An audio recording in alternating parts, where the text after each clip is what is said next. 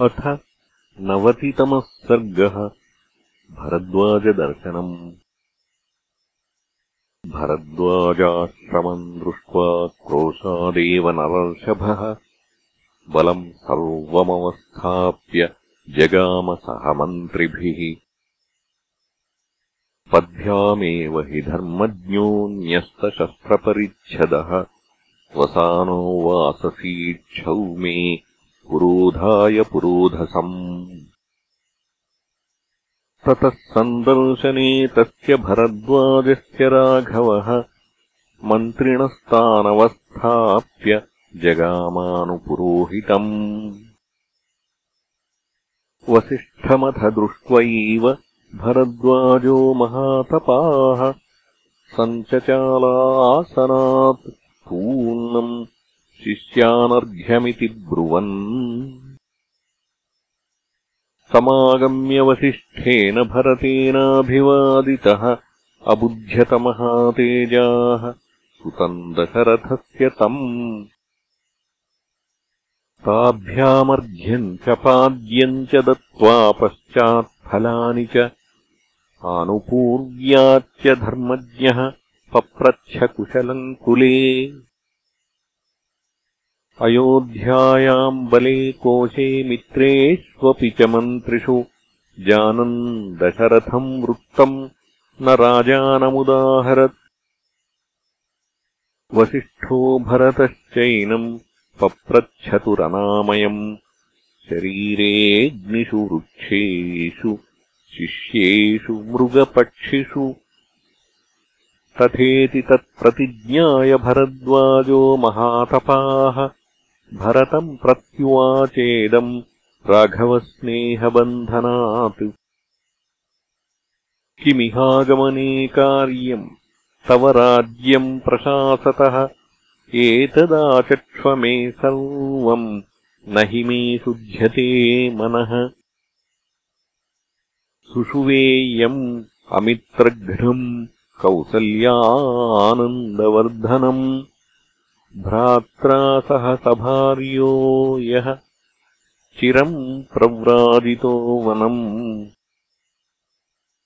नियुक्तः स्त्रीनियुक्तेन पित्रायोऽसौ महायशाः। वनवासी भवेतीह। समाः किल चतुर्दश। कच्चिन्न तस्यापापस्य पापम् कर्तुमिहेच्छसि अकण्टकम् भोक्तुमना राज्यम् तस्यानुजस्य च। एवमुक्तो भरद्वाजम् भरतः प्रत्युवाच।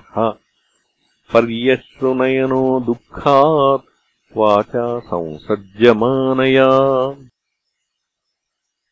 हतोऽस्मि यदि मामेवम् भगवानपि मन्यते मत्तो न दोषमाशङ्के नैवम् मामनुषाधिः।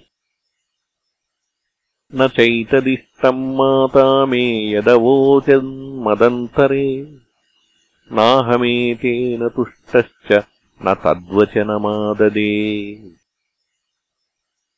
अहम् तु तम् नरव्याघ्रम् उपयातः प्रसादकः प्रतिनेतुमयोध्याम् च पादौ तस्याभिवन्दितुम्। त्वम् मामेवम् गतम् मत्वा प्रसादम् कर्तुमर्हसि। शंसमे भगवन् रामः क्व सम्प्रति महीपतिः। वसिष्ठादिभिरुत्विग्भिः याचितो भगवांस्ततः। उवाच तम् भरद्वाजः प्रसादाद्भरतम् वचः। त्वय्येतत्पुरुषव्याघ्र युक्तम् राघववंशजे गुरुतिर्दमश्चैव साधूनाम् चानुयायिता। जाने चैतन्मनः स्थन्ते दृढीकरणमस्त्विति अपृच्छन् त्वाम् तथात्यर्थम् कीर्तिम् समभिवर्धयन्। जाने च रामम् धर्मज्ञम् ससीतम् सह लक्ष्मणम्। असौ वसति ते भ्राता चित्रकूटे महागिरौ। स्वस्तु गन्तासि तम् देशम् वसाद्य सह मन्त्रिभिः। एतन्मे कुरु सुप्राज्ञ कामम् कामार्थकोविद। ततस्तथेत्येवमुदारदर्शनः। प्रतीतरूपो भरतोऽब्रवीन्वचः चकारबुद्धिम् च तदा तदाश्रमे। निशानिवासाय नराधिपात्मजः।